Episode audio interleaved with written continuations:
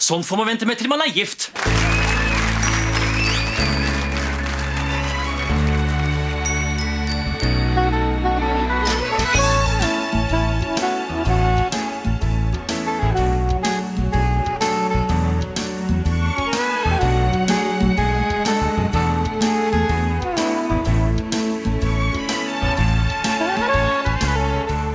Hallo, velkommen til en ny episode av Norsk film filmpodkast. Podkasten hvor vi ser norsk film med et kritisk, men ikke fullt så kjærlig blikk. Mitt navn er Emil. Jeg sitter her som alltid med. Stefan heter jeg, og den filmen vi har sett i dag, det er, det er en film du har valgt. Og som jeg lurer på om du har et sånt elsk-hat-forhold til, egentlig. At det er noe du liker. For vi har allerede sett den første filmen i den serien her.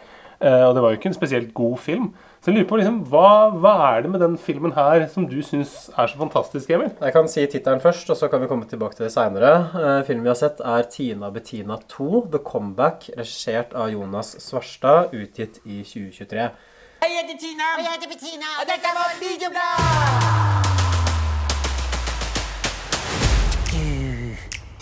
Ja, meg. Mennesket du sverget på å aldri snakke med igjen. Loggen i dag skal handle om tilgivelse. Du er det verste mennesket i hele Europa. Alle hater deg. Fy faen, det er jeg som skulle mottatt den prisen! Ingen av dere hadde vært der hvis ikke hadde vært for meg. Hva har dere gjort de siste ti åra? You gotta go away to make a comeback.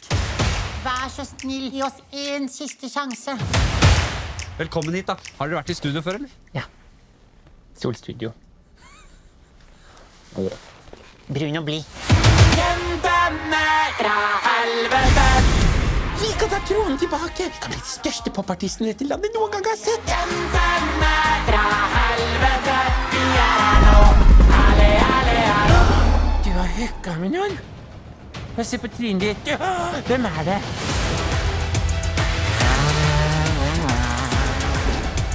Skal vi ta kjøregang, eller? Hvor er kåpa mi?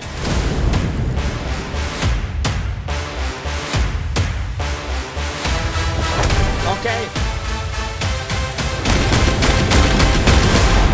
Husker du det første du sa til meg? Som jeg sa til deg. Ja, husker du det?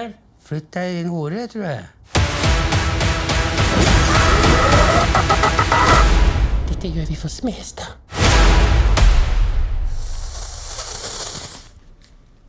Tenk ser jeg at dette er kokain på radio. Det bare klipper du ut. Bare klipp det ut, Adelina. Eh, nei, altså det her er direkte radio.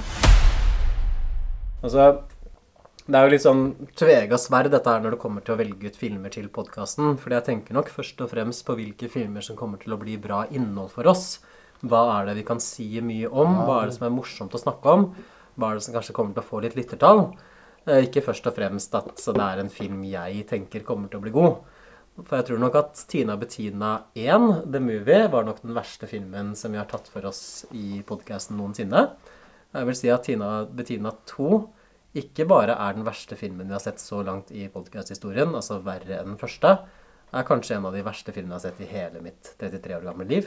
Vet ikke, Hva syns du, Stefan? Ja, jeg er helt enig. Eh, Men jeg tror fortsatt ikke helt på at eh, dette her er noe du på en måte At, dette er, at du har tenkt at liksom, er, det ikke, er det ikke fordi du egentlig syns dette er helt fantastisk? Nei, jeg, jeg, altså, jeg, jeg, nå skipper jeg kanskje litt for mye inn i privatlivet, men i går da, da jeg så filmen, litt sånn dårlig dag for meg, våkna opp, følte meg deppa, som jeg iblant gjør.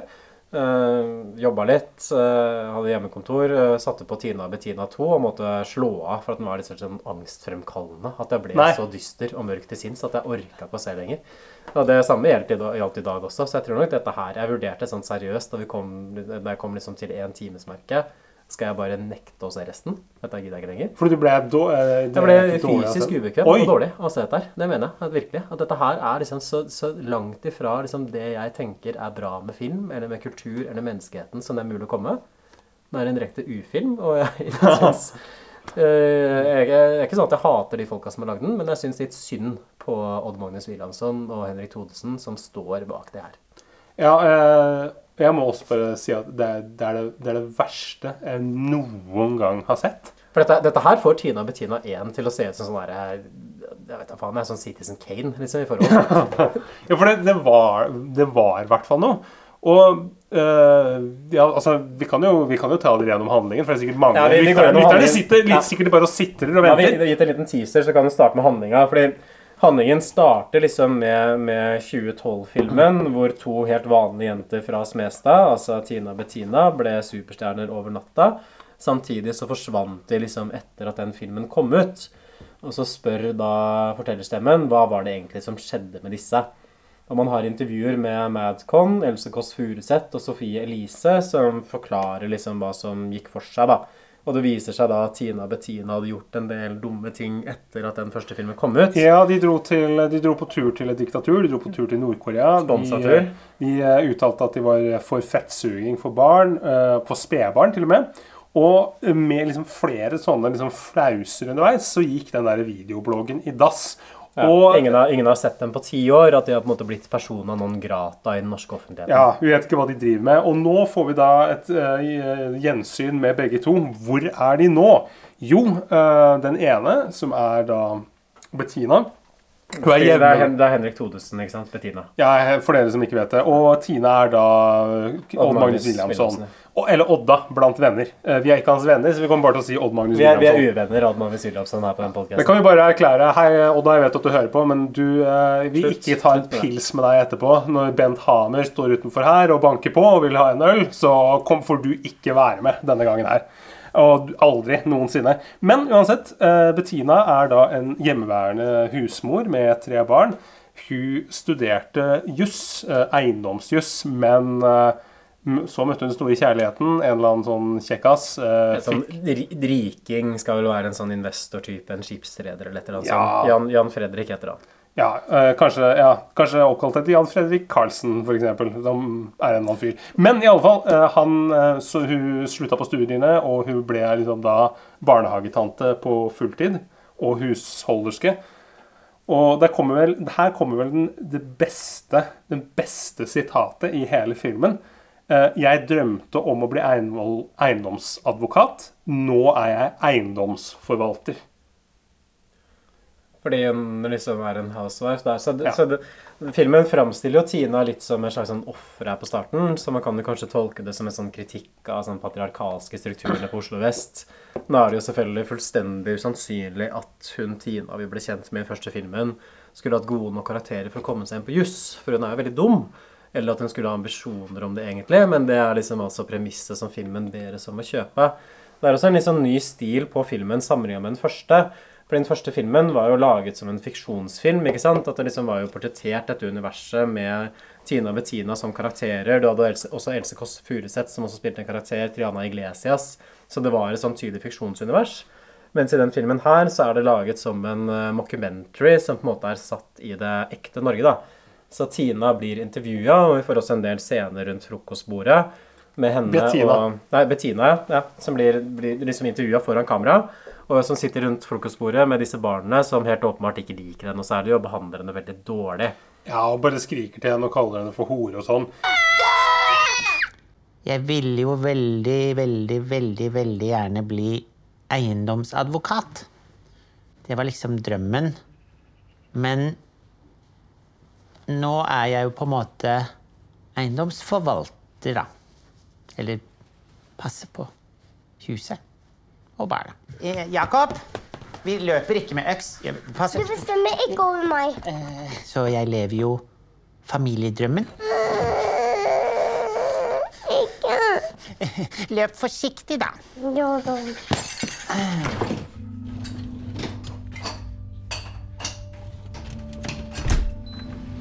Det er jo deilig at det blir stille når de har dratt på, på skolen. Ja, og så får vi selvfølgelig hvordan, se hvordan det går med Tina. Odd Magnus Williamson. Eh, hun bor i et herskapshus sammen med en, eh, en slags au pair, en slags tjener fra et, eh, liksom, et sånt eh, søramerikansk land, og en mann, eh, Thorvald.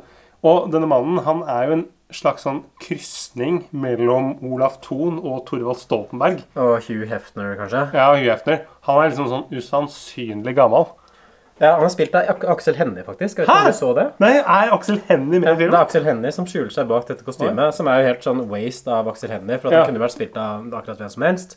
Og det er liksom, Ideen er at uh, Tina da er en sånn typisk golddigger ikke sant, som har gifta seg med en gammel mann for pengene sin skyld. Uh, de første scenene så kommer liksom Torvald hjem fra, fra ferie, og så har han skutt en sånn albino-dvergelefant og gir henne snabelen i gave. Eh, Tina har også en hund som heter eh, Sanax. Eh, tjeneren som du snakka om i stad, hun som er fra Sør-Amerika et sted, hun heter Margarita Conchita.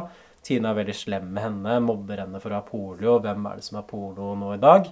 Ah, Ja, her bor da altså jeg og mannen min Tordvald. Han er ute på reise, om han kommer hjem senere i dag. Jeg gleder meg så fælt. Hvis han pappa kommer hjem i dag, Sanax. Dette er kjæresteeier, det er Sanax. Det er blitt veldig veldig, veldig populært å, å ta ut hunder fra sånn omplasseringsanstalter og sånt nå. Det er ikke tilfellet med Sanax. Hun er avlet fram på et laboratorium i Ukraina. Margarita Conchita! Margarita Conchita! Food aki. Margarita Conchita er en av tjenerne som var her lenge før jeg kom. Tror hun er fra Sør-Amerika eller noe sånt. nå. Jeg har egentlig aldri spurt. Sanax, eat. She don't want. She's disgusted by you. Out! Get out! Så har hun polio. Er jo klar over hvor nedverdigende er av polio? Det er ingen som har det mer engang. Margarita Conchita! Kom tilbake! Se på bena dine. Polio. OK, get the fuck out.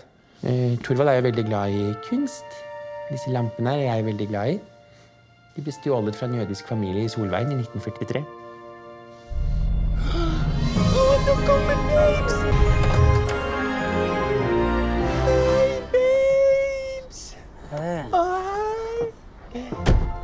Dette er kjæresten min, Torvald. Hei, skal Hei. Har du hatt det fint i Kongo? Det er belgisk kongo. Stanleyville. Det er litt kaldt, så vi får forte oss inn. Ja. Ja, denne veien, da. Ja, ja. Ja. Har jeg med en liten present til deg? Har du kjøpt noe? Er det noe til meg? Jeg har ikke kjøpt noe, jeg har skutt noe. Nå kan ikke jeg få hjelp til å åpne den døren. Ikke deg. Jeg kan ha hjelp av han mørke. Han må vi få byttet dør. Torvald er litt rasist. Ja, da blir det deg, da. Hva er det for noe? Ja. Albino dvergelefant. Snabel. Helt perfekt. Det kan jeg sikkert få Jenny Skavlan til å sy om til en tote. Satiren og poengene er kanskje på et enda lavere nivå enn det film 1 er. Ja. At det er utrolig, utrolig platt og forutsigbart. Sånn, det er en sånn joke her liksom, hvor, hvor hun sier sånn Torvald elsker å jakte. Vi har isbjørn, havbjørn, pandabjørn. Hva annet har det skutt? Og så svarer liksom Torvald en gutt som het Jørn. For det rimer Aha. på bjørn. Det er, det er sånn KLM-humor fra 70-tallet, syns jeg. Altså, Ja, det er Rolf Trond Kirkevåg ringte og ville ha tilbake vitsene sine. Men, eh, eller Lars Mjøen, da. Eh, og, men det, det som også skal sies, det er jo på en måte det, det at Humoren er ikke bare liksom så platt, men også veldig overtydelig. Sånn som at vi gjør et veldig stort poeng ut av at han, han her Thorvald er eh, Han er litt sånn gammel nazist. Mm. En, ha- at, eh, men istedenfor å nevne dette her i en bisetning én gang, som et morsomt poeng, så gjentar man det så mange ganger sånn at man på en måte bare skal det er helt, at, at, at seerne bare liksom De, skal, kan ikke være i tvil om at han er gammelnazist. For de har en lysekrone som er rappet fra en jødisk bolig i 1943. Han, Fått han noen utmerkelser for å ha vært med i Nasjonal Samling, som står liksom på hylla. Ja, noe Han er rasist, så han vil ikke bli liksom betjena av den, øh, den mørkhudede tjeneren sin. Han vil ha den som er hvit, hvit istedenfor. Og så er det liksom også mye joke som går det på at han er så jævlig gammel. da, At han er så gammel at han tisser på seg, liksom. Han klarer ikke å finne frem til Tina der hun sitter. Snubler i en sånn tigergreie som ligger på, på, på gulvet, som kanskje skal være en sånn der referanse til Grevinnen og hovmesteren. Så jeg føler liksom at hele manuset kunne på en måte vært skrevet av en AI. For Hvis jeg hadde bare mata inn lag en sånn satire av en Men tror du ikke det er det? Jeg vet ikke. jeg tenker sånn, Har ikke Odd Magnus Williamson og Henrik Thodesen tross alt såpass mye yrkesstolthet at de ville skrevet de tingene der sjøl? Det kan vi kanskje komme tilbake til. sånn der Hva er motivasjonen for å lage dette her i det hele tatt? Men, men igjen da, vi må jo forutsette liksom at det er personer som står bak, og da må jeg liksom si at jeg syns at nivået liksom på vitsene, observasjonsevnen her, er ekstremt, ekstremt lav. Igjen, vi kommer til å sammenligne mye med den første filmen her, men det, det som er skjult, liksom at den første filmen framstår så god i forhold. For jeg syns det var tross alt høyere nivå på humoren i Tina og Bettina 1, The Movie, enn i Tina og Bettina 2, The Comeback, som vi har sett nå i dag. Og det sier jo litt. eh, Men eh, det som er, er at eh, mens Bettina ikke liksom, Hun har forlatt sosiale medier og videoblogging og allting, så er tross alt Tina, denne liksom Splitte Oddmanning og Magnus Williamson, sammen med denne rikingen, hun er aktiv på sosiale medier. Og nå skal hun få en Wixon Award. Nei, hun skal dele ut en pris på Wixon Awards. Nei, men, jo, men her hun er jo tror sjøl at hun skal få den, og så skal hun egentlig dele den ut. Faen, du ødela poenget mitt, for det var jo det som eh, jeg skulle lage. det er vært ikke eh, noen morsom vits i filmen. Jeg tror ikke det har vært noen morsom vits i podkasten. vi må jo gjøre alt for, at, eh, liksom, for å gjøre dette her spiselig for folk. Så nå har dere allerede dere har fått det servert for Emil her. like, liksom, like overtydelig som vitsene i filmen.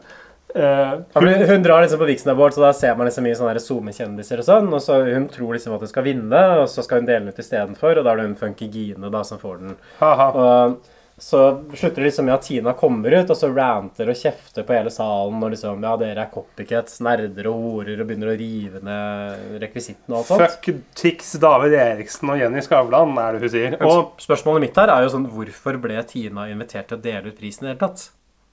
Nei, for hun er jo måte Hun er jo åpenbart helt passé. Hun har jo ikke noe, det er jo ikke noe stort For det etablerer jo filmen at hun er helt passé. Ja. Men likevel så er hun tydeligvis kjent nok til å dele ut den Vixen-prisen. Ja, det er ikke noe hvem som helst som får komme inn og dele ut den. Nei, det gir jo ikke noe, det gir jo ikke noe mening sånn selv i filmens univers.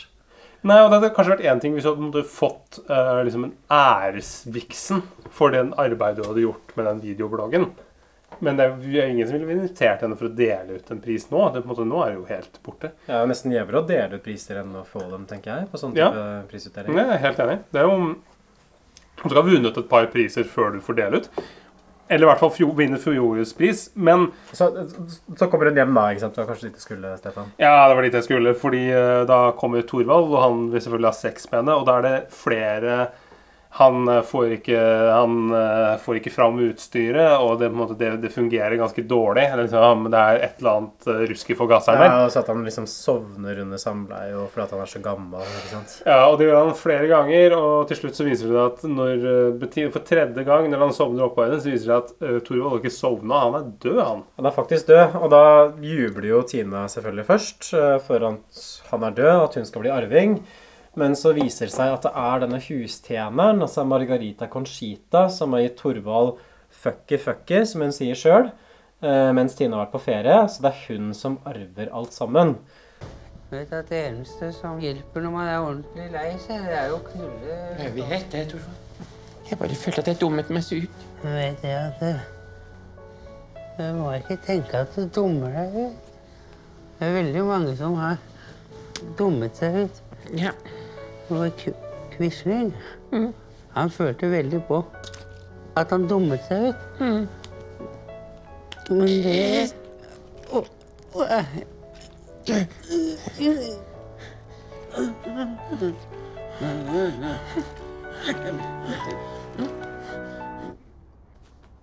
Ja? Å ja. Jeg Litt sånn litt. Ja. Det går bra. Se der, ja. Å, det var godt. Oi. Uh, daddy.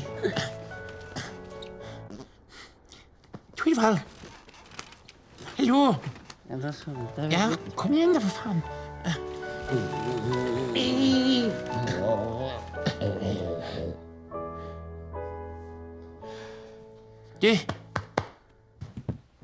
Yes! For han er død. Og han. Og det regner penger på meg, for jeg er enke i ung alder. Din gris. Din skitne, grådige, horete gris. Jeg som hadde tenkt å beholde det her som hushjelp hvis han gikk bort. Men nå gjorde du den jobben veldig lett. Jeg vet ikke om du kan lese. T-E-S-T Testamente, estúpida! Når du har vært på ferie og brukt pengene hans, så er det Margarita Conchita González de Jesus som har gitt Torvald de todo. ¿De todo? De todo. Chingando de todas maneras. Oh, mucho foki foki por adelante y por atrás. En ting som jeg liksom reagerte på sånn på starten av filmen, er liksom at jeg syns at hele filmuniverset her er så ekstremt sånn kynisk og kjipt. Fordi den første filmen hadde jo hvert fall litt sånn entusiasme, litt glimt i øyet, for en sånn god stemning. Men her er alt så ekstremt mørkt, da. Ikke sant? Sånn at det er en sånn scene, og så et, Tina blir kasta ut, da, hun Margarita Conchita, hun der huseieren, som hun har liksom skjelt ut fra polio og alt det der. Og da slipper hun den hunden Sanax, og den kjøres over rett foran øynene hennes. Så klipper det til at mannen til Bettina konfronterer mannen nei, Bettina, altså Henrik Thodesen karakter, konfronterer mannen med at eh, han har vært utro mot henne. Han liksom ender opp med å liksom knene rett ned knestående. Begynner å ta av seg beltet, skal slå henne. Hvordan kunne du Hm? Hva? Hva? Du, hva er det, Pussen? Jeg har bare vært god og snill og grei med deg. Dette er måten du takler meg på. Ja, hva da?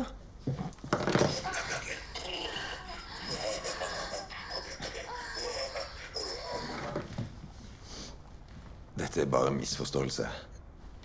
Misforståelse? Ja. Ikke noe misforståelse. Jeg har ofret alt.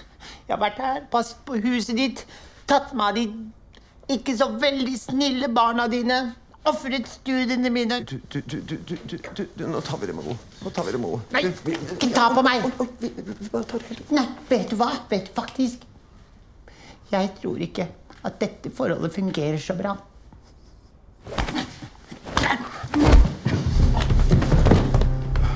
Du er så dramatisk. Det syns jeg ikke du skal bli. Du er ikke noe søt, da. Så har du så vill fantasi. Bare så du vet det, så var du jævla digg i den videobloggen. Men nå er du bare gammel og trist. Ah, du stikker ikke av! Du stikker ikke av! Jeg kommer til å finne deg! Jeg skal drepe deg hvis du stikker av! Ah, du klarer deg ikke uten meg! Sånn, er, det, er, er, dette, er, dette, er dette morsomt, liksom? Det sånn der, hvor er humoren her? Det skjønner ikke jeg helt. Nei, det er, på en måte, det er verken humoristisk, og så er det jo også det, måte, det er jo igjen at det er en, det er en form for sånne klisjeer. Du, bare, du vet jo alltid hva som kommer. Du på en måte skjønner det.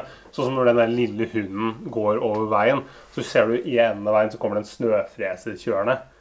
Så kjører den snø... Du tenker ah, nå blir den tatt av snøfreseren, så kjører snøfreseren inn til siden. Men så skjønner du at når den der hunden er ute på veien, så er det noe annet som kommer til å skje. Ja, men det er jo Selvfølgelig så er det da en bil som treffer den. Det er på en måte, det er ikke noe det er veldig, det er veldig forutsigbart her. Er Men igjen, det er, det er noe liksom hva man inviteres til å le av her òg? Det man inviteres til å le av, er liksom en hund som blir overkjørt. Og så i neste scene så skal man liksom synes at det er morsomt at eh, Bettina blir slått av mannen sin. At han skal liksom slå henne med beltet. Jeg må jo anta liksom at dette er ment som en humorfilm, for det fungerer jo ikke som drama i det hele tatt. Det hadde ikke fungert på en måte som en sånn Nå skal jeg på en måte vise liksom mørke undersiden av Oslo vest. Ja, men se det er jo deg- meninga at man skal synes at dette er gøy, tror du ikke? Jo, det må jo være det når liksom Henrik Thodesen står her på kne i dameklær og liksom Men nei, nei, ikke slå meg, ikke slå meg! Og så driver han liksom og tar av seg beltet. Ja, nå skal du få! Sånn. Det var en ganske god invitasjon. eh. Det, er det sier kanskje litt, av de, kanskje, kanskje litt av de karakterene at hvem som helst kan lage den stemmen som Henrik Thodesen har i den karakteren. Nei, jeg tror det er noen slags Rolf Kirkvaag. ja. Men, det, men det, er, det er veldig sånn menneskefiendtlig, da. Og eh, filmen har en veldig sånn mørk visuell stil også, fordi nesten hele starten på filmen i hvert fall utspiller seg om natten. Enten så er det liksom ute midt på vinteren, eller så er det inne i ganske sånn dunkle, triste interiører. Og jeg har hørt at Henrik Thodesen også utvikla panikkangst etter at filmen kom ut, før han skulle ut og liksom ha dette på turné med Odd Magnus Williamson. Og, Fordi han syntes det var så dårlig, eller? Nei, det, det, det han liksom sa at han var overarbeida, uten at det skal liksom ikke trekke inn det her. Det er litt ufint av oss, kanskje. og Det trenger liksom ikke å bli psykologiserende heller. Men jeg kan nesten se det, liksom. At dette her er kanskje lagd av en person som ikke har det så veldig godt med seg sjøl eller med samfunnet. For det er et utrolig, utrolig dystert syn på mennesket og Norge og det sosiale generelt som framsettes her. Ja, og så er det jo, men også at eh, det virker litt sånn, sånn hastverksarbeid. Fordi det, altså, eh, ting henger ikke så veldig godt sammen. Mye framstår det, Eller det kommer vi tilbake til senere, men det hopper veldig. Det virker som sånn, på en måte, ofte litt sånn løse sketsjer som på en måte bare er liksom bare bent, og liksom bent sammen, sånn at det på en måte skal danne en sånn Ja, men, men hastverk for hva? Hvorfor hadde hastverk med å lage dette her? Det var ingen som ville ha en ny Tina Bettina-film. Det var ikke noe måte å rekke at den forrige filmen kom Kanskje de hadde masse annet fullbooket rundt hele, hele 2024. Altså, vi må ha det ferdig i 2023. Men jeg, for jeg, jeg tok meg liksom i å savne den ungdomsskolen på Smestad i første film, med Triania Iglesias altså de musikalnumrene. Jeg ser heller det enn å se liksom Henrik Thodesen i drag bli slått av en mann. Ja, ja det var i hvert fall litt Det var en muntrere film. Uh, og for det er, jo ikke, det er jo uansett ikke noe stor komikk, og dette er jo Altså Det, det er jo egentlig ingenting, men det der at det blir så, det blir så hardt Det det som i hvert fall skjer, da, er at Tina og Bettina liksom, begge to har mista alt. Uh, Tina har mista arven, og Bettina har blitt kasta ut av mannen sin. Og de reker gatelangs i Smestad begge to, og så møtes de tilfeldigvis på gata. De har ikke sett hverandre på ti år, eller hva det skal være. Og da bonder liksom over den nye statusen som de har fått, da. Og tar bussen ut til Stovner, hvor Tina har arva en leilighet, og så skal de bo der sammen. Her er det veldig mye sånn jokes om at de på en måte aldri har vært på buss før. Tina veit ikke hva en blokk er. Hun tenker liksom at det er en sånn modernistisk villa. Dette her tenker jeg liksom at Robert Stoltenberg gjorde bedre i første sesong av Borettslaget, da Yngve, eh, Trygve Freiholt skulle Yngve? Dra, Yngve Freiholt skulle dra ut til østkanten første gang. Og det var til 2000, i 2001, liksom. At den der øst-vest-komikken her er utrolig dårlig. Ja, der kunne de sett litt Robert Stolper og lært litt av han. Og, og så er det, det som også er et problem, at det er sånn, det er som sånne faktafeil i filmen. Som at de setter seg på en buss som er, er da buss nummer 31 til Grorud T-banestasjon. Men for alle oss som er kjent i Oslo, så vet vi at den går ikke til Stovner. Eller sånn som at de villaene hvor de spiller inn det her, som skal være på Smestad, det er ikke på Smestad. Det er bak Vigelandsparken der. Så en det, det, er liksom, det er utrolig mye sånne steds... Sånne, sånne ting som på en måte det Sånn som den der bussen hvorfor, du kunne jo, De kunne jo bare satt seg på T-banen. Eller det fins kanskje en annen buss Det er, det er, på sånn gjen, gjennomgående liksom nedvurdering av seerens intelligens. Liksom, jo at de ikke er i stand til å se disse faktafeilene her. Kanskje at de tenker at det er ikke så farlig. Folk flest bor jo ikke i Oslo, og de som bor i Oslo, de veit kanskje ikke bedre. Men likevel, jeg syns det er et eller annet med Når du først lager en film, så burde man få disse detaljene riktig. I hvert fall i og med at Tina Bettina skal på en måte utspille seg i noe som kunne vært dagens Norge. Som Ja. faktisk Norge. Ja, og det, og det virker jo ne nettopp når det, er på Stovner, så får du jo det der inntrykket. Fordi hva skjer når de er på Stovner? Og det er ikke filma på Stovner, det er filma på Vestli, by the way. Uh, enda en feil. Så, så skjer det jo selvfølgelig at vi hører masse skriking utenfor, og så masse skyting. For det er jo utrolig Det er jo gjengkriminalitet. Liksom, hvis du er en natt på Skovner, så hører du jo skyting, og det brenner jo liksom 15 et, liksom et snes biler liksom, i løpet av en kveld. Ja, kveld. fordi, fordi igjen, da, da spør vi liksom sånn der, Hvor er satiren her? Er liksom satiren det at Tina og Bettina har så store fordommer Ja. mot Oslo øst at de tenker at det er mye kriminalitet? Men filmen gir du på en måte rett i liksom det at Oslo øst bare er en sånn slum hvor det skytes og slåss hele tiden. Ja, men så da blir jo liksom satiren både over vestkanten og østkanten at begge deler liksom er den stereotypien som filmen framstilles som, da. Ja, fordi, men det blir jo det der Det er jo det problemet som kvinnen i mitt liv har også. At, den er, at det er sånn Den skal Den prøver på en eller annen måte å være litt sånn human. Altså at vi, at vi, skal, at vi, måte, at vi skal tenke at uh, Tina og Bettina får noen idioter fra Oslo vest. Men så, så merker vi også at manusforfatteren har jo utrolig mye fordommer mot Ja, for det, for det, det er jo ting som skiller liksom borettslaget, for eksempel. Så når eh, Yngve Freyholt drar liksom inn til østkanten, så er det jo hans fordommer som er morsomme. Ja. Ha-ha at han tror at det er sånn på østkanten at alle er narkiser og kriminelle. For det viser at det er- morsomt, og da viser det, det er, det er jo ikke sånn, ikke sant? Og det viser på en måte serien. Han bare ser en fyr i litt sånn slitne klær som går ut på T-banen. Og da er det sånn, ah, han er narkis, og han kommer til å rane meg. Og Ja, sånn. men, men her er det jo slik at liksom Tina og Bettina har disse fordommene mot østkanten, og så viser det seg å stemme. Mm. Og da lurer jeg på liksom, hva er det man gjør narr av? Er det på en måte Tina Bettina for deres fordommer, eller gjør man egentlig narr av liksom østkanten? Eller det veldig sånn stereotypiske, oppkonstruerte bildet man har av det? Sånn, hva er det filmen forsøker å si, da?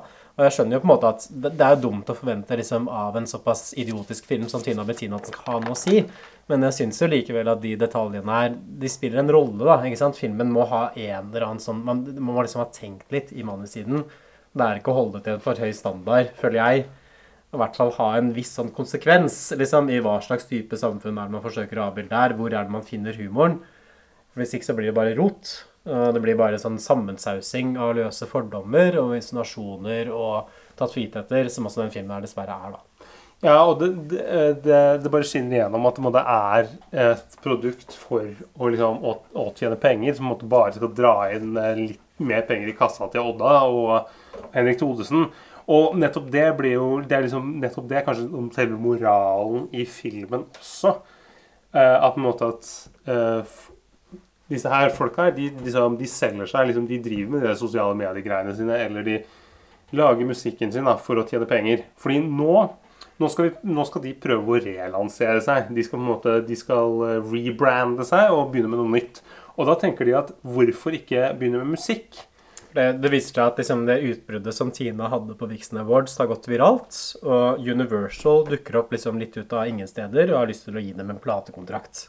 Ja, eh, og da drar de til denne Universal-villaen på Frogner for å spille inn musikk. Og um, Men, men før det så blir du jo av en sånn her eh, Hun som på en måte er manageren deres, da, sånn, som er en mer sånn sexfiksert sånn sjef i Universal, hvor hun sier liksom at det er ikke streamingtall som styrer, det er pussy. Her skjønner jeg ikke egentlig helt sånn satiren er liksom poenget at tekstene i popmusikken har blitt så sexfikserte, Mm. så det bare er sex som teller, liksom, i dagens popbransje. Ja, og, og er det liksom også poenget at den at den eh, manageren er liksom, At du er kvinne i en liksom, rolle som du ville tenkt liksom, hvor det hadde vært typisk å ha en, liksom, en, en, kåt mann, så er det en kåt kvinne isteden? Er det liksom Ja, for nå er vel også Daniel Kvammen som er sånn sexslave, så det er en sånn running joke, da. liksom, Ja, men sånn tvers over, sånn Playboy tvers over sløyf, og ellers har han ikke noe annet på seg. Og, og Tina Bettina blir jo også typecasta for å lage låter om fingring. At de spiller inn en låt som heter 'Nå fingres julen inn'. Og da får vi en veldig sånn veldig langdryg sketsj med en sånn plateprodusent som særlig mener at Bettina er dårlig til å synge.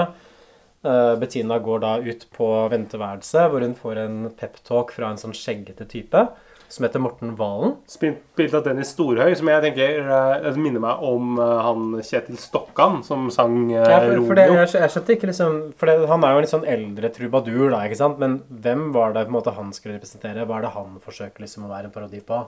Den Morten Valen-karakteren? Er det Christian Valen? Nei, det kan Det, det er en sånn krysning mellom Lillebjørn Nilsen, men mer hippie. Og litt sånn Bjørn Eidsvåg. Men, men jeg føler at den, den, den karakteren er så lite treffende, fordi du kjenner den på en måte ikke igjen i norsk offentlighet. Kunne ikke vært en parodi på Bjørn Eidsvåg istedenfor, da. Ikke sant? Kunne ikke det, det hadde vært mye bedre. Ja, at de bare får til en sånn stor brom- brumlebass. Ja, Istedenfor Morten Valen, som er hva, hva er det på en måte som er han? Fordi at jo, han, han, han er, bor i skauen, han er glad i det, han har skjegg, han har ganske sånn ru stemme, han sitter med kassegitar. Det er egentlig det man lærer. Så Han liker yngre jenter. Ja, men karakteren er altfor tynn til å på en måte fungere som en parodi på noe spesifikt, og derfor blir det heller ikke noe morsomt. Nei, for jeg syns jo, jeg synes jo her er det kanskje den største skuespillerprestasjonen i hele filmen av Dennis Storhøy, som spiller Morten Valen-karakteren. Fordi til tross for at han har veldig lite materiale å jobbe med, så syns jeg han i hvert fall prøver litt sånn Ja. med mimikk og på en måte å lage dette morsomt. Men jeg, Ja, problemet er i manussiden, da, helt klart. ja, fordi eh, det er bare at han har jo Han har jo virkelig ingenting å jobbe med her. Så det er jo stakkars Dennis Ja, som fikk den rollen her. I hvert fall Nå fringes julen igjen blir liksom en hit da på streaming, og så får man en montasje hvor de holder en konsert på Stovner-senteret. De reiser rundt i landet, spiller på VG-lista, de treffer Kevin Lauren osv. osv. En, to, tre, fire. Nå er den hellige time. Bursdagen til Jesus tilbake igjen. Mamma hun går rundt i svime og henger opp er pepperkaker. vi! Men søstikken lang er i min julesokk og nellik i min appelsin. Støff min kalkun det? jeg har Wow! fått Det skal bli nok. pisserike! Pisserike! Nå fingres julen inn. Nå fingres julen inn. Deilig er jorden, og det er du òg. Nå fingres julen inn. Tina Bettina-konsert i dag. Vi spiller her på på klokka Tina seks. Her dukker enda et problem med filmen opp for min del. For jeg syns at Jeg syns ikke at handlingen i filmen er troverdig, liksom selv ikke innenfor filmens univers. Og jeg tror at problemet er at Den første Tina Bettina-filmen den utspilte seg på en måte i et sånn tydelig sånn fiksjonsvirkelighet. ikke sant? Den utspilte seg på denne ungdomsskolen på Smestad, stort sett. Og alle karakterene var på en måte uh, fiksjonelle karakterer. ikke sant? Det var helt tydelig fantasi. Mens uh, Tina Bettina 2 der blir du på en måte signa på Univers Universal. De er på God morgen Norge. De møter Tix. ikke sant? De slår gjennom som popartister. De møter alle disse kjente folka som spiller seg sjøl. Litt sånn lange, flate baller-aktig. Ja, så, så, så filmen er på en måte skal på en måte være satt i en sånn norsk virkelighet som dette faktisk kunne hendt. Og da blir det jo veldig lite troverdig liksom at de kan slå gjennom på den måten som det de gjør. Fordi musikken deres er jævlig dårlig. Den høres ikke ut som sånn populær hitmusikk som er på listene. Hvis du hadde gitt ut noe sånt liksom så nå fingres julen din, så hadde aldri det i verden liksom kommet inn på VG-lista i Norge, tror jeg. Eh, De er dumme på grensa til liksom det helt tilbakestående. De er ikke i stand til å gjøre det som kreves for å faktisk kunne fungere som popstjerner. Eh, I tillegg til at det helt åpenbart er voksne menn da, som spiller disse to damene. Sånn som Henrik Thodesen ser jo ganske feminin ut, men i hvert fall Odd Magnus Williamson, som liksom er nesten sånn to meter høy. Og blir Ganske- veldig hard og markert i fjeset Ganske pløsete. Du ser, det er ikke noe, det, det er ikke noe sjanse i havet liksom, for at han kunne vært en 30 år gammel kvinne, da, eller hva han skal liksom portrettere. Vi får jo plass til en del sånn cameos her også. Det er en, det er en sånn sekvens hvor Tina er ute og fester med kamelen. Og annet sniffer kokain fra en erigert penis. Til dere som er over 50, så er det en slags sånn Det er en rapper, eller en En hiphoper. gangsterrapper fra Bergen som har blitt kjent for at han stakk av fra politiet ved et par anledninger, rømte fra fengsel. For min del så var nok Jeg tror det var den delen av filmen som fungerte best for meg. Både for at jeg syns at kamelen er litt kul, og for det andre fordi det er ikke, det er ikke noe dialog i den sekvensen. Um, låta er ikke Tina og Bettinas egen, så det blir på en måte som en sånn døv musikkvideo som er putta i midten av en veldig veldig dårlig film. Så for min del så jeg, jeg kjente liksom at jeg kunne trekke pusten litt og endelig få liksom resten av filmen litt på avstand under de liksom to-tre minuttene som den sekvensen varte. Ja, det var veldig fin sånn sekvens som bare hengte seg liksom litt med en kaffe eller noen uh, chilinøtter, og det bare er fortsette å se filmen. Bare få litt sånn avbrekk. Men igjen så blir det så problem med troverdighet, da, fordi hvorfor i alle dager skulle Kamelen vært interessert i å være med Tina? Liksom Odd Magnus Williamson i drag. Er dette den dama som Kamelen hadde gått inn for? Kanskje han har veldig spesielle preferanser, da. det kan jo være, men ja, det er, det er jo helt urealistisk. Men til og med innenfor filmens univers, da, ikke sant? for Tina skal jo være en sånn avdanka influenser som har drevet seg ut veldig på TV, spiller veldig dårlig musikk. Kamelen kan jo sikkert få ganske mange andre enn akkurat Tina, tror jeg, Mm. selv hvis man liksom kjøper at hun faktisk er en ekte person, og ikke bare ja. Magnus Williamson i drag. Så det gir på en måte ikke noe mening sånn selv i det fiksjonsuniverset som filmen har satt opp. Nei, hun har jo ikke noe sånn særlig Hun er ikke, noe intelligent. Hun har ikke noe, på en måte, sånn har jo ingen sånn Hun har ikke noe sympatisk Hun har ingen kvaliteter. Det er på en måte men, Både Tina og Bettina er jo på en måte helt Det er på en måte personer sånn uten Det er ingenting likende med de menneskene her i det hele tatt. Og de er, ser jo ikke deilige ut heller. Er I hvert fall, hvert fall med Tina, fordi Tina er jo sånn Hun er jo basically ond, tenker jeg. Mens Bettina har en viss sånn form for samvittighet og liksom bryr seg litt om den der popstjernekarrieren. Dette blir også et problem mellom dem, fordi Tina blir veldig sånn sugd opp det popstjernelivet. Hun begynner å ruse seg masse. De har et sånt helt katastrofalt intervju på NRK P3 hvor Tina tar kokain på lufta og så avskjer en sånn hemmelig avtale som skal ha med Tix. Og da setter på en måte filmen opp en sånn konflikt mellom de to. Hvor Bettina er kanskje hun som har litt mer samvittighet og bryr seg om den popkarrieren. Vil liksom frigjøre seg fra markedspresset, frigjøre seg fra planselskapet og lage musikk som hun egentlig brenner for. Mens Tina er liksom den der kommersielle hora, basically. Som Ja. bare er interessert i å ruse seg og leve liksom livets glade dager. Men jeg synes jo der er det, helt, det er jo helt usannsynlig det her at uh, Bettina, som, som virkelig ikke kan synge, og som måtte selv med autotune liksom må ha flere timer i studio bare for å liksom framføre en strofe, at hun liksom har noe sånn annen musikk på et liksom dypere nivå som hun vil komme fram til enn de her fingresangene. Det sliter jeg med å skjønne. Hun, jo, hun burde jo bare innse at her har hun fått en eh, liksom Her har jeg virkelig liksom bare stukket sugerøret ned i Universal-kassa, liksom, og nå kan jeg bare, det kan jeg bare bruke for hva det er verdt. Men jeg blir ikke den, liksom, den nye Finn Kalvik eller Bjørn Eidsvåg. Altså Bettina har en sånn scene også hvor hun blir forsøkt trua til å komme hjem av mannen sin. Uh, han mannen som slo henne på starten av filmen. Og da kommer han Morten Valen, og så er han litt den ubestemmelige visesjangeren inn, og så redder dagen. De scenene her er så dumme, så jeg vet ikke om jeg gidder liksom å gå i mer detalj om Jo, men det. må vi si, det, er, det som skjer, er at de, en eller annen grunn skal Bettina møte mannen Eller skal hun ut i skogen og møte Morten Valen, og plutselig ute i skogen så møter hun mannen med tre barn. Og Morten Valen redder dagen ved at han eh, For at hun, ja, mannen skal jo selvfølgelig banke Bettina. Så han slår de barna og mannen med en stekepanne. Mm. I litt sånn, sånn, litt sånn slow-mo-klipping. det er jo altså er jo bare helt liksom, det virker som en sånn Mr. Lee-reklame liksom, fra slutten av 90-tallet. Det har på en måte den, den auraen rundt seg. Men, men hør da, det som skjer videre, er jo liksom at de skal spille denne musikkvideoen sammen med Tix. Eh, Jeg hører hva du sier. Tix har en cameo her også, og gaggen der er vel basically at Tix blir framstilt som verdens beste og mest moralske menneske. Tina og Bettina. Hei, hei. Hei, Etter. Hei. Det er så hyggelig at du har tatt deg tid til å komme. Og vi vet at du har veldig mye å gjøre, eh, både i dag og resten av livet, så tusen takk for det. Nei, det er bare hyggelig, dere. Jeg var på Rikshospitalet uansett. Har vært og hilst på barna i dag. Og så er jeg jo støttekontakt for de to her. Hei, hei. hei, hei, hei. Du er helt utrolig, altså. Du er helt utrolig. Nei, nei, nei, det er ikke jeg som er utrolig. Det er barna, vet du. Det er de som er utrolig. Ja. Beklager. Jeg må bare ta den her, jeg. Tjena! Hva hender? Ja, så ses vi på Nobelpriskonserten, sant? All right. Sorry, det var Greta Thunberg. Hun har vært så utrolig fan helt siden Eurovision, og så spurte hun om hun kunne covre sjeiken. I kveld er det lov å være miljøbevisst. Det er gøy. Hei, Tex. Takk for at du kom. Er det noe du trenger før vi setter i gang? Det er fint om vi er litt raske. Jeg har et helikopter som venter på oss.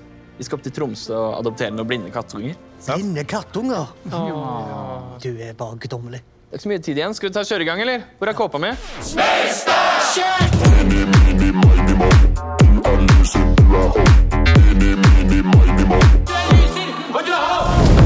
Vi venner her, og du er nada. Chanel, Versace og Balenciaga. Jakke fra Dior og væske fra Prada. Det går bra, da. Takk, takk, takk. Kutt, kutt, kutt, kutt. Tex. Så er liksom vitsen her at Tix lager veldig sånn overfladisk og kommers dansemusikk som ikke passer med disse verdiene hans, eller er det bare sånn tidene mest smigrende cameo at man forsøker å framstille Tix som han skulle være en slags sånn derre mor Therese-aktig skikkelse i norsk populærkultur? Du tenker når Tix dør? Ja, for det, det gjør han etterpå. Sånn, for Musikkvideoinnspillingen ender jo liksom med at Tina skal prøve å spraye Bettina med pepperspray, og så ender det opp med å drepe Tix istedenfor, i kombinasjon med en flammekaster. Ja, og du kan gjette hva som skjer da, for da blir det liksom akkurat som da Falco døde i Østerrike i 1997, at det blir sånn der, det blir sånn fakkeltog gjennom gatene, liksom eh, et sånt rosehav som, liksom, eh, sam, som liksom du kan sammenligne med liksom Utøya. Det er på en måte folk, det er landesorg, og folk eh, spiller da, liksom flere artister da covrer Tix-låter som spilles på radio hele tiden. Og Tina og Bettina sin karriere blir på en måte ødelagt for andre gang. Eh, De må liksom finne tilbake igjen og gjenvinne populariteten. Og det gjør de da ved å gå tilbake til røttene sine, og så spiller de en videoblogg. Og så ender de opp med å liksom spille i Melodi Grand Prix-finalen. Dette er liksom basically det som skjer de siste 20 minuttene av filmen. Jeg vet ikke om liksom det er nødvendig å gå i noe mer detaljer på liksom det som skjer sånn innimellom der. Nei, altså det eneste vi kan si er på en måte at uh, Bettina de, de, de sliter begge to. Eh, Bettina blir eh, liksom begynner å springe på sånn open mic liksom på et eller annet sånt utested med veldig mange Flytter gamle ut i menn. skauen også med Morten Valen, forsøker å livnære seg av naturen. Og uh, hun, eh, Tina hun blir da vaskehjelp hos hun Margarita au. Conchita. Ja, men hun kan jo ikke vaske, hun kan jo ingenting. Så det blir, det blir jo helt forferdelig for henne. Det blir et mørkt kapittel i den filmen. En ting som er liksom interessant også i den Melodi Grand Prix-finalen, er at de spiller en ganske sånn rar låt. Fordi låta er på engelsk, mens de andre låtene deres er på norsk. Og teksten den går som her. Didn't grow up in a castle, never a beauty princess. Girl, how the tears kept running when they said you were worthless. Life is a long, hard mystery, and oh yeah, this world is violent. But we will go down in history, and you will not be silent. You're a queen, don't let them get you down. Så er det en slags sånn feministisk female empowerment-låt, tenker jeg. At liksom verden er dårlig, historien har behandla det dårlig, vi skal ikke være stille. At det er jo veldig sånn typisk sånn derre Det er budskapet som fremmes i ganske mye sånn feministisk populærkultur nå. Så det virker på en måte som at filmen forsøker å liksom posisjonere Tina og Bettina som en slags sånn feministiske helter. a young girl was crying, trapped inside her mind. Feeling so invisible. Then they break your heart and everything falls apart. Feels like the end of the world, and it is for a while. But look at you now. You're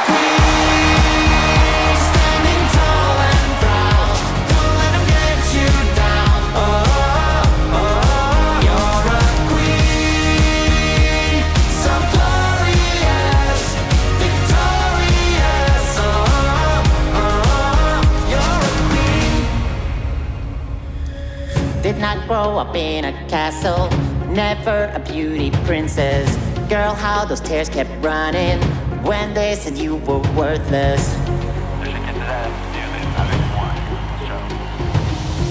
Life is a long, hard mystery, and oh yeah, this world is violent. But we will go down in history, and you will not be silenced. You will go down in history,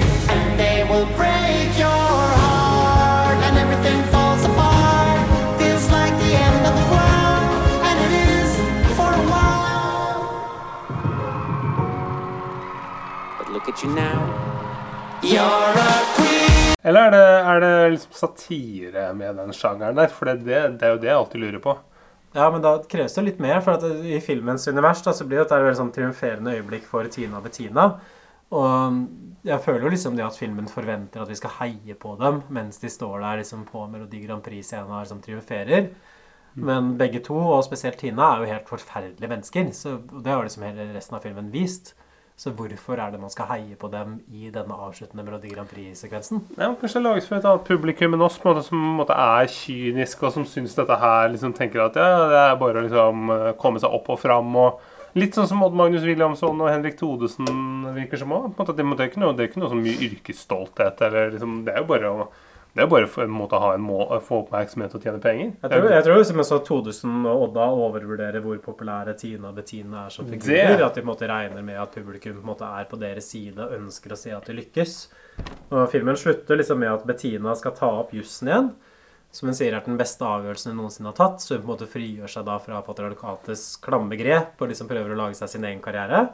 Mens Tina blir sammen med kamelen før hun bestemmer seg da for å bli selvstendig og får sånn kurs av en Margarita Conchita hvordan man skal smøre smøre på et knekkebrød og liksom henge opp klesvasken.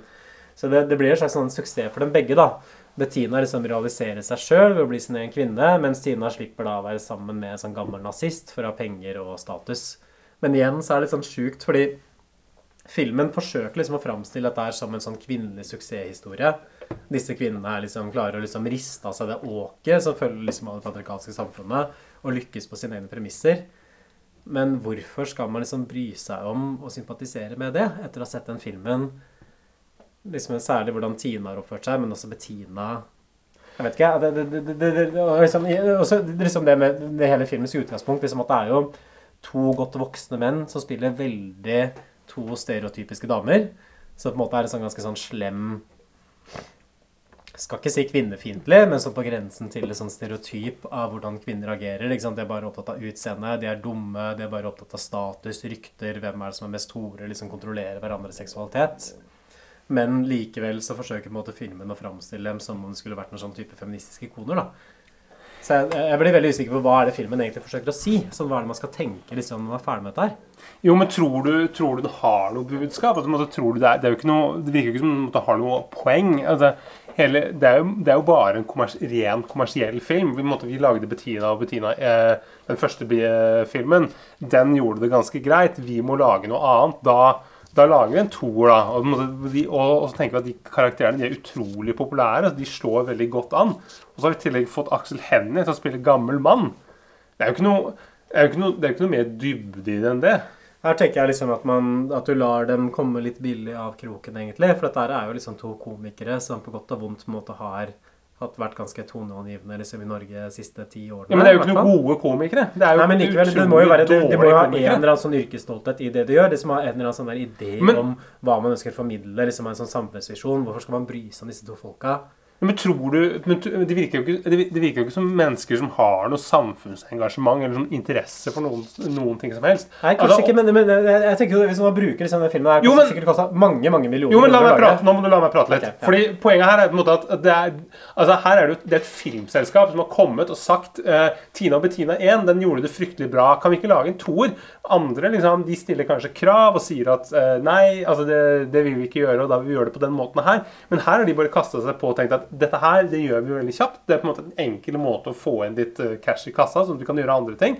Og så er det det. Jeg tror ikke det er noe sånn der at, at eh, man har, har lagt noe sånn kunstnerisk stolthet i den filmen her. Nei, jeg, jeg tenker likevel at en film, en film er veldig veldig vanskelig å lage. Ikke sant? Det krever masse masse penger, masse folk skal være involvert. Det er en langvarig prosess. Ikke sant? Man jobber først liksom, fra en idé, ut fra et manus, spiller inn, klipper filmen etterpå, Mm. lanserer den på kino.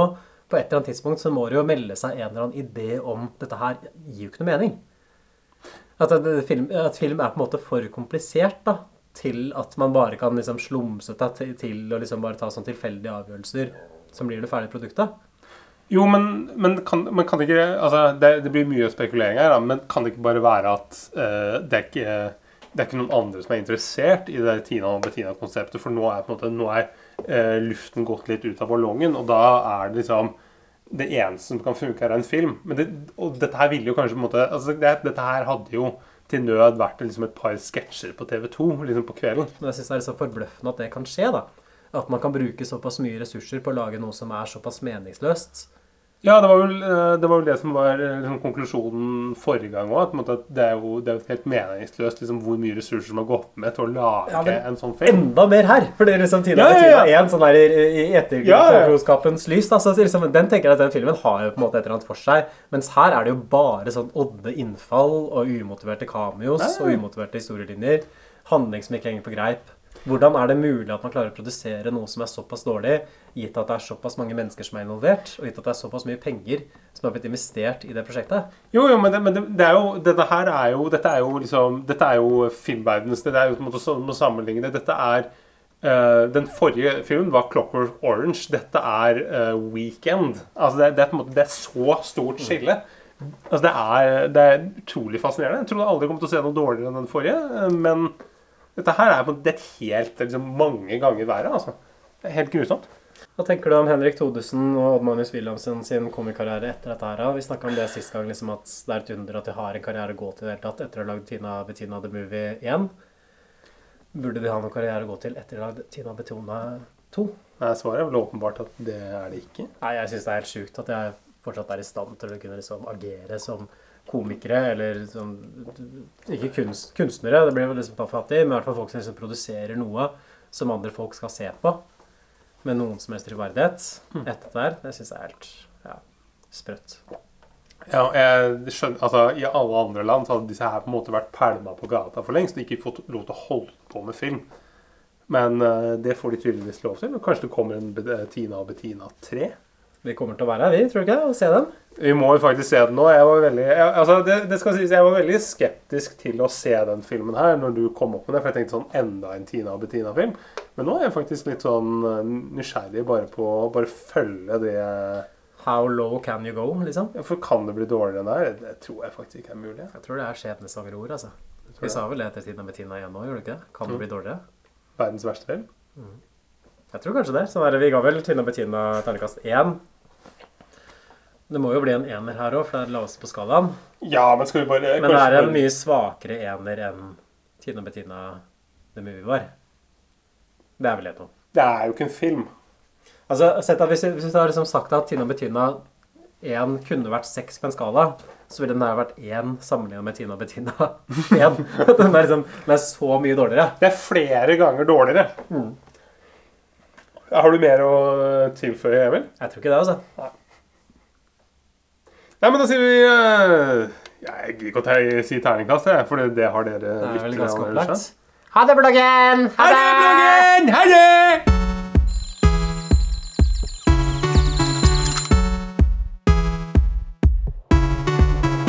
Alltid fresh, alltid klar. Det er hardt å bo på Smestad. Alle vet stilles krav når man er fra beste smestad. Velge outfit, velge sko. Jeg sjekker klær med linje nøye. Jeg må ha yoga.